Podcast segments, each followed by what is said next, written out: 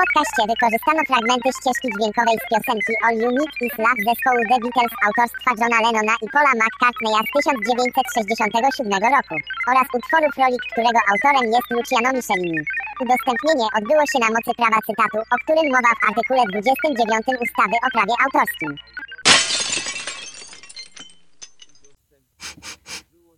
Czujecie to?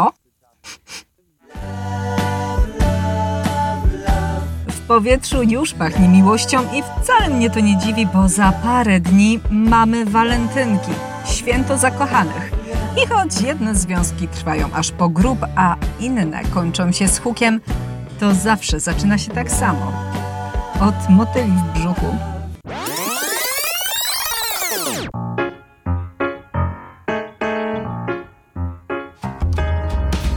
Salvador Dali osiągnąłby tak duży sukces bez pomocy swojej żony Gali? Jak malowałby Mark Chagall, gdyby nie spotkał Belli Rosenfeld na moście w Witebsku? I co ma wspólnego randkowanie na Tinderze ze sztuką? O tym wszystkim opowiem już za moment. Nazywam się Agnieszka Kijas i jestem krytykiem sztuki, a wysłuchacie walentynkowego podcastu z serii Dawno temu w sztuce, czyli wszystko, co chcesz wiedzieć o malarstwie, ale bez nadęcia. Dzień dobry wieczór, bo tak właściwie nie wiem o jakiej porze słuchacie tego podcastu, ale wiem natomiast, że ja nagrywam go dla Was w szafie. W szafie, która na tych kilkadziesiąt minut przemienia się w istne walentynkowe studio nagrań. I może nie jest to najbardziej romantyczne miejsce na świecie, ale nie powiem, jakiś taki klimacik się robi. Unosi się w powietrzu taka jakaś magia, łapie ten flow. Więc wszystko pasuje. Bo przecież w miłości też chodzi o flow, o magię. I kiedy zastanawiałam się, o czym nagrać ten walentynkowy malarski podcast, to pomyślałam sobie, że miłość to jest przecież wszystko, dosłownie wszystko. To jest tak potężne uczucie, że głowa mała i chociażbym tutaj użyła tysiąca słów, to i tak zabraknie. Wszystko to miłość. I sami dobrze wiecie, że gdy jesteśmy zakochani, to możemy przenosić górę. Wszystko wydaje nam się takie łatwe. Pojawia się wtedy ten efekt wow. I właśnie ten efekt wow doskonale widać w sztuce, a zwłaszcza na obrazach znanych malarzy. I powiem tak przykładowo, że wystarczy rzucić okiem na pracę Pabla Picassa i od razu rozpoznacie, w której kobiecie był on w danym etapie swojego życia zakochany. Zresztą, i to jest chyba taki trochę słodko-gorzki akcent, ale no dobra, i tak opowiem. Kiedy Pablo Picasso był jeszcze w związku ze swoją żoną na tym początkowym etapie, gdzie ta miłość, jaka ich łączyła, była jeszcze bardzo, bardzo silna, to on malował przepiękne portrety Olgi. One były naprawdę rewelacyjne. Wyglądała na nich naprawdę jak muza artysty. A z chwilą, gdy już im się nie układało, no to on ją po prostu masakrował na tym płótnie. Niemniej na ogół malarze, zresztą w ogóle artyści, to trzeba przyznać, że są wrażliwcy. Oni czują dwa razy bardziej. Zawsze powtarzam, że artyści dwa razy bardziej się cieszą i dwa razy bardziej płaczą. Dlatego, gdy już dopadnie ich strzała Amora, to nagle, jak za dotknięciem czarodziejskiej różdżki, zaczynają powstawać arcydzieła. I to tak wiecie, szu, szu, szu, masowo, jedno po drugim. Ale z miłością nie zawsze jest tak łatwo i prosto. Weźmy na ten przykład Salvadora Dali. Dziś nie jesteśmy w stanie wyobrazić sobie, jak wyglądałaby jego sztuka, gdyby nie poznał on swojej muzy i bądź co bądź też kreatorki swojego talentu, Gali. To po prostu jest niemożliwe, żeby oddzielić Salvadora od Gali. I dokładnie to samo słowo, niemożliwe, powiedział ojciec Salwadora na wieść o tym, że jego syn spotyka się nie dość, że o 10 lat starszą kobietą, to jeszcze z zamężną Rosjanką, która w dodatku była matką. Miała 11-letnią córkę, Cecil, którą zresztą porzuciła po tym, jak poznała Salwadora. I nawet gdy ta dziewczyna próbowała już w dorosłym życiu nawiązać kontakt z matką, ta nie wpuściła jej do domu. Cóż tu dużo mówić. Matka ale wyrodna. Dlatego ta wiadomość, że Dali umawia się z mężatką, gruchnęła na rodzinę Salwadora niczym grom z jasnego nieba. ojciec, który był takim pobożnym katolikiem, wściekł się tak bardzo, że aż wydziedziczył syna, a siostra Salwadora, Anna Maria, na dźwięk imienia przyszłej bratowej spluwała siarczyście przez ramię i to na cztery świata strony. I ja to mówię zupełnie poważne, bo za każdym razem, gdy padało imię Gala, to ona tfu i na ziemię, tfu i na podłogę. No tak to wyglądało. Zatem był to związek na przekór. Jednak mimo tej niechęci bliskich, młody mistrz surrealizmu, no bo dalej miał wówczas 25 lat, postawił na swoim. Jego wybranką i muzą została czarnowłosa Rosjanka o świdrujących oczach.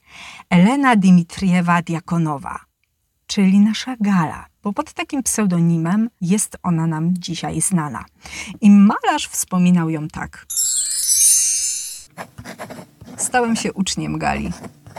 Nauczyła mnie, jak się ubierać, jak schodzić ze schodów, nie spadając przy okazji 36 razy, nie gubić pieniędzy, jeść, nie rzucając pod sufit utka kurczaka, rozpoznawać nieprzyjaciół. Była aniołem równowagi, proporcji, która zapowiadała mój klasycyzm. Nie tracąc z oczu własnej osobowości, pozbyłem się gnębiących mnie tików. Zacząłem być świadomy swoich czynów. Ale Gala nie była tylko natchnieniem katalońskiego artysty. Owszem, jej twarz widnieje na wielu jego obrazach, zresztą podobnie jak i imię, bo od pewnego momentu Salwador zaczął podpisywać swoje prace również imieniem swojej ukochanej, czyli Dali i Gala, bądź też Gala i Dali. Jednak najistotniejsze jest to, że to ona stworzyła wizerunek malarza. Można powiedzieć, że była jego menadżerką to ona podpowiadała mu, co i jak ma malować. Pilnowała też, żeby pracował w wyznaczonym tempie, dopingowała go do tego, a także dopinała jego kontrakty i zlecenia. Mówi się, że bez niej taki Dali, jakiego dziś znamy, nigdy by nie istniał. I w tym jest bardzo dużo prawdy, bo Gala decydowała o wszystkim i wręcz uzależniła artystę od siebie. Kiedy u schyłku życia, znudzona stetryczałym mężem dziwakiem, odeszła, bo prawda jest taka, że Gala gustowała w znacznie młodszych chłopcach, to wtedy prace Salwadora straciły swoją moc. Dali bardzo się pogubił i to do tego stopnia, że podpisywał swoim nazwiskiem puste kartki. Jemu ktoś powiedział, że słuchaj, to będzie taki fajny performance, wystarczy twoje nazwisko na pustej kartce i już będzie wow, już będzie sukces. I Dali podpisywał te karteluszki jedna za drugą, jedna za drugą, a później, o czym już nie wiedział, nie miał takiej świadomości, inni rysowali na tych kartkach swoje prace. I one szły jako prace Salwadora Dali. Rynek dosłownie zalały podróbki Dalego. Gala nigdy by do czegoś takiego nie dopuściła, ale ponieważ odpuściła, czy wręcz opuściła Salwadora, to wyszło jak wyszło. Więcej o ich trudnym, a także burzliwym związku, a przy tym też bardzo ekscentrycznym, zresztą jak całe życie tej pary, jeszcze na pewno Wam opowiem przy innej okazji, a teraz tak dla równowagi po takim związku, no nazwijmy to jednak mocno toksycznym, chciałabym zaprezentować Wam nieco inną historię, taką, która dodaje skrzydeł. Chcę, żebyście usłyszeli, że takie rzeczy zdarzają się naprawdę, a nie tylko w filmie, że takie uczucie, takie wiecie, takie, które nas uskrzydla, takie a, jest możliwe w rzeczywistości, że ono się przydarzyło. I ta historia zaczyna się na moście. Na moście w Witebsku gdzie wpadają na siebie dziewczyna i chłopak, którzy w ogóle się nie znają i wpadają na siebie z zupełnym, zupełnym przypadkiem. Ale kiedy już tak się dzieje, to z chwilą, gdy ich spojrzenia krzyżują się, wiedzą, że są dla siebie stworzeni. Pach! Od pierwszego wejrzenia. Właśnie tak zrodziła się miłość Marka Szagala, wybitnego kolorysty i 14-letniej wówczas Belli Rosenfeld. Bella zapamiętała każdy szczegół ich pierwszego spotkania i nawet opisała je w swoim pamiętniku. Jego oczy były niezwykłe. Słyszycie tego psa? Niechże on się uspokoi. Będziemy tutaj szczekał w trakcie podcastu. No dobra. Nie wiem, czy go słyszeliście, ja go słyszałam. W każdym razie Bella opisywała ich pierwsze spotkanie w ten sposób. Jego oczy były niezwykłe. Inne niż u pozostałych ludzi. Jak migdały. Nigdy wcześniej nie widziałam takich oczu. Jedynie na ilustracjach do bajek. Zakochałam się w nich. Podchodził coraz bliżej do mnie. Nikt nie wyrzekł słowa. Nie potrzebowaliśmy ich. Oboje czuliśmy bicie naszych serc. O matko, jak się to czyta, to można powiedzieć tylko jedno: love, love, love. I jesteśmy już w świecie tej całej magicznej energii. Ale to jest relacja Belli, natomiast Mark Chagall miał swoją wersję i on wspominał to ich pierwsze spotkanie w ten sposób. Jej milczenie jest moim, jej oczy są moje. To tak, jakby ona wiedziała wszystko o moim dzieciństwie, mojej teraźniejszości, mojej przyszłości. Jakby widziała przeze mnie, jakby zawsze patrzyła na mnie. Choć wtedy widziałem ją po raz pierwszy. Wiedziałem, że to ona, moja żona. I Bella, podobnie jak Gala Udalego, występuje na wielu obrazach Szagala. Na jednym z płócien małżonkowie wspólnie szybują po rozgwieżdżonym niebie nad dachami rodzinnego Witebska. Tam jest jak we śnie, jak w bajce i oni tak sobie żyli właśnie jak w bajce. Niestety, tę sielankę przerwała choroba, w wyniku której Bella nagle zmarła. Wszystko stało się ciemnością. Powiedział Szagal i na znak żałoby odwrócił wszystkie swoje obrazy frontem do ściany. No bo tak to już jest z tą miłością. Gdy na nas spada, dodaje skrzydeła, gdy się kończy, może nas nieźle sponiewierać. I właśnie te wszystkie emocje odnajdujemy w sztuce, te wszystkie namiętności, te zawody, uniesienia, rozpacze, to wszystko zostało zapisane w obrazach. Tam to wszystko się rozegrało. I czasami stojąc przed jakimś arcydziełem, a dodam przy tym, że dla mnie to może być zupełnie inny obraz niż dla Was, niż dla Ciebie, bo przecież każdy z nas ma inne doświadczenia i też co innego go porusza. Ale w każdym razie, stojąc przed takim naszym obrazem, możemy poczuć Dokładnie takie same emocje, które czuł twórca, gdy stał przed nim i tworzył go z myślą o swojej ukochanej, o swojej miłości. Bo obrazy to przecież nic innego jak historie. Historie, które warto poznać, warto trochę się z nimi poufalić, warto trochę porandkować ze sztuką. Pójść na przykład do muzeum i poszukać tego dzieła, tego jednego, jedynego obrazu, który zwali nas z nóg, w którym zakochamy się od pierwszego wejrzenia. Ale wiem też, że są wśród Was pewnie tacy sceptycy, którzy choć kochają sztukę, lubią sztukę, no to tak im się jakoś nie chce iść do tego muzeum. No to tak może warto zrobić coś innego, a teraz jest jeszcze zima, drogowcy znowu zaspali i w ogóle po co ruszać się z domu, jak już to może na spacer, ale do muzeum, no niekoniecznie, przecież ja wystarczy, że sobie wklikam i już zobaczę najnowszą wystawę, jaka jest na przykład aktualnie prezentowana w Muzeum Narodowym w Warszawie na ekranie mojego komputera. I ja mówię, ok, w porządku, nie ma sprawy, ale uwierz mi, że nic, nic, żadna reprodukcja, żadna kopia, żadne zbliżenie, choćby najlepsze w gigapikselowej rozdzielczości, choćby takie, na którym widać pojedyncze pociągnięcia pędzla, czy też odpryski farby, żadne nie zastąpi kontaktu z żywym obrazem. Najprościej mówiąc, z reprodukcjami dzieł sztuki jest tak jak z randkowaniem przez internet. Kiedy ktoś nam wpadnie w oko, to co robimy? No, przeglądamy jego profil i sprawdzamy, czym się interesuje, jakie zamieszcza treści, ale też, no, nie czarujmy się, dopiero jeżeli podoba nam się zdjęcie tej osoby, zapada decyzja. Tak, to jest ktoś, z kim mogę się umówić. I kiedy już jesteśmy pełni ekscytacji i idziemy na tę pierwszą randkę, to tutaj ta historia może mieć trzy zakończenia. Otóż przy restauracyjnym stoliku może czekać na nas chłopak lub dziewczyna ze zdjęcia i to, nie ukrywam, jest bardzo dobrze rokujący sygnał, ale bywa i tak, że na widok spotkanej osoby stajemy jak wryci, ponieważ albo w rzeczywistości ona wygląda znacznie lepiej i to będzie takie miłe zaskoczenie, lub też, no, na nasze nieszczęście wygląda znacznie gorzej. Od przez te wszystkie instagramowo-tinderowe filtry świat wydaje się bardziej różowy, ale dopiero przy spotkaniu twarzą w twarz okazuje się, czy czar trwa, czy też może pryska. Istotą sprawy jest prawda.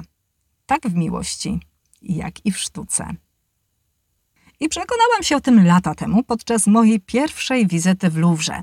Wtedy bardzo mi zależało na tym, żeby zobaczyć obraz Kalecy Petera Brueglera starszego i liczyłam, że na żywo ten obraz rozłoży mnie na łopatki. Jego tematyka, przyznaję, jest dość niejasna, bo z jednej strony poprzebierani w takie dziwaczne kostiumy kalecy mogą śmieszyć, no taka zabawna satyra, ale z drugiej, patrząc na kikuty w miejscach nóg, trudno stłumić w sobie to dziwne uczucie, które rodzi się w brzuchu, ten taki ucisk. Bo przecież coś tu jest nie tak. Ci ludzie nie mają nóg. Czy wypada się z nich śmiać, nawet jeżeli sami tego chcą?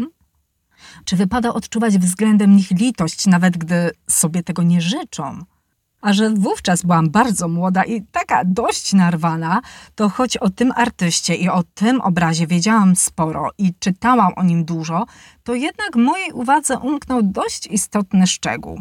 W efekcie kręciłam się po muzealnych korytarzach i za nic nie potrafiłam odnaleźć obrazu, a przecież na mapie wyraźnie stało, że ma być tu, a nie ma. I w końcu taka bardzo zrezygnowana podeszłam do kustosza i taką koślawą francuszczyzną zapytałam, gdzie jest Bruegel. I wtedy ten kustosz uśmiechnął się i wskazał mi palcem małą salkę tuż za rogiem. Ja tak, wiecie, uniosłam jedną brew ze zdziwienia, no bo przecież przed chwilą tam byłam i jakim cudem kalecy mieliby się tam znajdować w tej salce, skoro tam wisiały tylko trzy obrazy na krzyż – Niemniej posłusznie podążyłam we wskazanym przez palec kierunku i... I wtedy go znalazłam. Nie wisiał na ścianie. Stał za szybą, na półce, w takiej gablotce.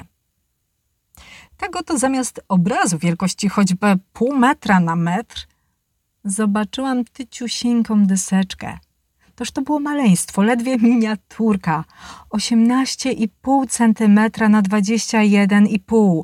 No dla mnie to był szok. Sama nie wiem, czy tę randkę można uznać za udaną, czy też nie, ale jedno jest pewne. To, co zobaczyłam, nie pokrywało się z moim wyobrażeniem. Pojawiło się rozczarowanie. I nie zrozumcie mnie proszę źle, bo to jest wspaniały obraz, no dobra, obrazeczek, ale na dodatek dziś, po latach, nie dość, że znajduje się on wśród czołówki moich ulubionych arcydzieł, to jeszcze uważam, że sporo mnie nauczył. Nauczył mnie pokory do sztuki. I tego, że choć początkowo coś może wydawać się nam inne niż sobie zaplanowaliśmy, to jednak w rzeczywistości może zostać w naszym sercu na całe życie. Natomiast zupełnie inaczej miała się rzecz z Orfeuszem Gustawa Moro, dla którego po prostu straciłam głowę. I wpadłam na niego zupełnym przypadkiem, bo szukałam wtedy zaklinaczki węży autorstwa genialnego celnika Rousseau i o Rousseau ja już Wam opowiadałam, zresztą chyba nawet dwa razy, zatem śmiało możecie sobie odpalić te podcasty, bo to jest chyba odcinek 31 i drugi. Tego drugiego to mocno się wstydzę, dlatego jak coś to przeskakujcie od razu do 31. Ale wracając, gdy już tak szukałam tej zaklinaczki, to okazało się, że ją przeniesiono i nie było jej w tej sali, w której być powinna. A że miałam mało czasu, to byłam już lekko poirytowana. No wiecie, ale być w Muzeum Orsay i nie widzieć zaklinaczki słabo. Zatem szłam, chodziłam, szukałam, kręciłam się z takim już dużym zniecierpliwieniem, aż tu nagle łup, Orfeusz. Ten, który w przewodniku wydawał się nudną, płaską i burą kompozycją, ten, którego skreśliłam na etapie tworzenia planu zwiedzania, ten nie wart zobaczenia, właśnie ten i co? I stałam twarzą w twarz z Orfeuszem i płakałam, bo na Boga, dziś się tak nie maluje. Takiej emocji nie wywoła żadna reprodukcja, żaden album, nic. Kolor, szczegół, ale przede wszystkim ten niesamowity efekt blasku, bo obraz został pokryty taką lśniącą, połyskującą farbą i tam wszystko lśni, wszystko migocze. Włosy kobiety, jej suknia, koronki, a nawet martwa twarz Orfeusza. Jak krople rosy w promieniach słońca jak drogocenne diamenty. Łzy na policzkach młodej dziewczyny, która wydobyła głowę z rzeki i ułożyła na liże. Bajka. No, a się rozmarzyłam. Ale żeby nie było, to na koniec dodam przekornie, że jestem uzależniona od internetowych randek ze sztuką.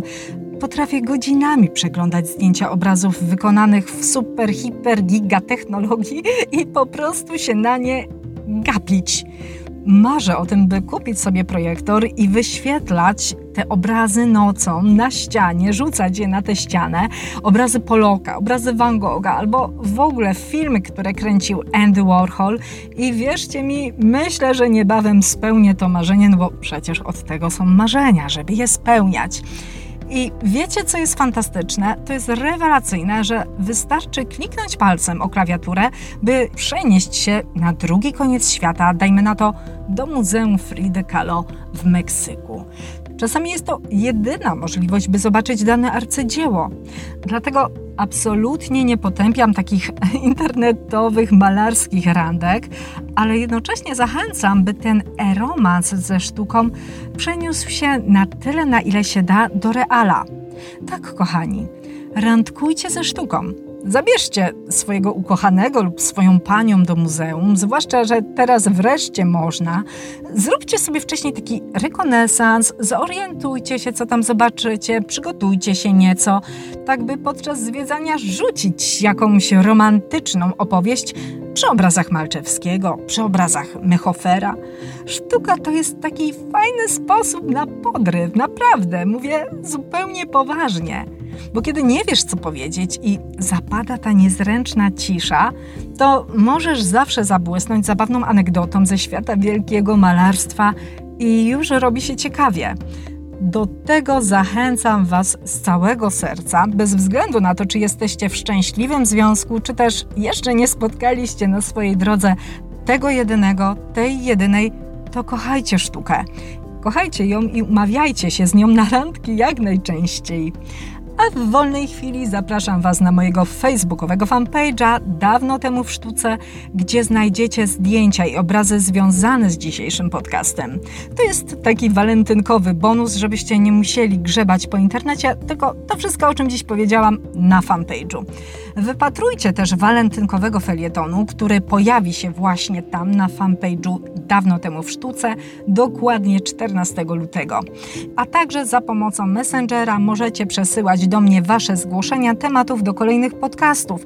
Dodam, że jestem też na Insta, na którym zresztą ostatnio wbiło mi 500 obserwujących. Za co oczywiście bardzo, bardzo Wam dziękuję. Jeżeli jeszcze tam Cię nie ma, to zapraszam, bo często zamieszczam tam różne fajne, wesołe posty o sztuce, cytaty, więc co Ty tu jeszcze robisz? Tak właściwie ja się zastanawiam. Ej, wbijaj na Insta. A teraz zostawiam Was już w rękach, choć może raczej powinnam powiedzieć w dźwiękach Hani Derej, młodej kompozytorki z Tychów, która gra na finał specjalnie dla Was. Kochani, dużo miłości Wam życzę i to nie tylko w te walentynki. Kochajcie sztukę, a ona Wam się odwdzięczy. Do usłyszenia za dwa tygodnie. Mówiła dla Was Agnieszka Kijas, krytyk z sercem do sztuki.